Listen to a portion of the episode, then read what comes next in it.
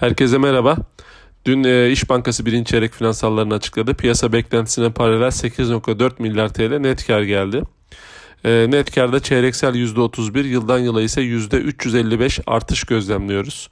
Banka bu çeyrek 250 milyon TL de serbest karşılık ayırmış. Aslında bu karşılık ayrılmamış olsaydı net kar açıklanandan %3 daha yukarıda olacaktı.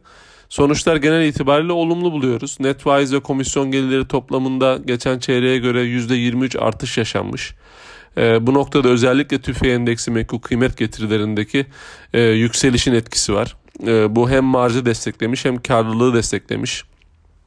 Kredi mevduat makası ise e, birçok rakibine paralel e, yüksek seyreden özellikle sene başında yüksek seyreden mevduat maliyetlerinin etkisinde e, daraldığını görüyoruz. TL mevduat, TL kredi mevduat makasında 136 bas puanlık bir daralma söz konusu. Ama dediğim gibi net faiz marjı özellikle menkul kıymet getirilerindeki artışla açılmış. 58 bas puan yükselmiş e, sınırlı olumlu olarak değerlendiriyoruz İş Bankası için. E, bu sonuçlar ışığında biz e, 2022 yılı beklentilerimize baktığımızda net faiz marjı, kredi büyümesi, komisyon büyümesi gibi kalemlerde yukarı yönlü e, riskler olduğunu görmekteyiz.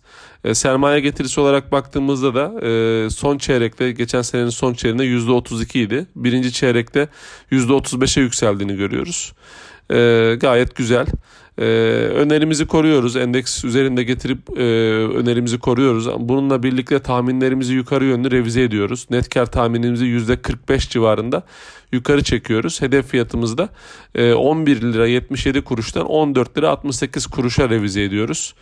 E, cazip olarak işlem gördüğünü düşünüyoruz. 2020-22 tahmini olarak 1.9 fiyat kazanç, 0.4 fiyat defter değerinde işlem görüyor İş Bankası.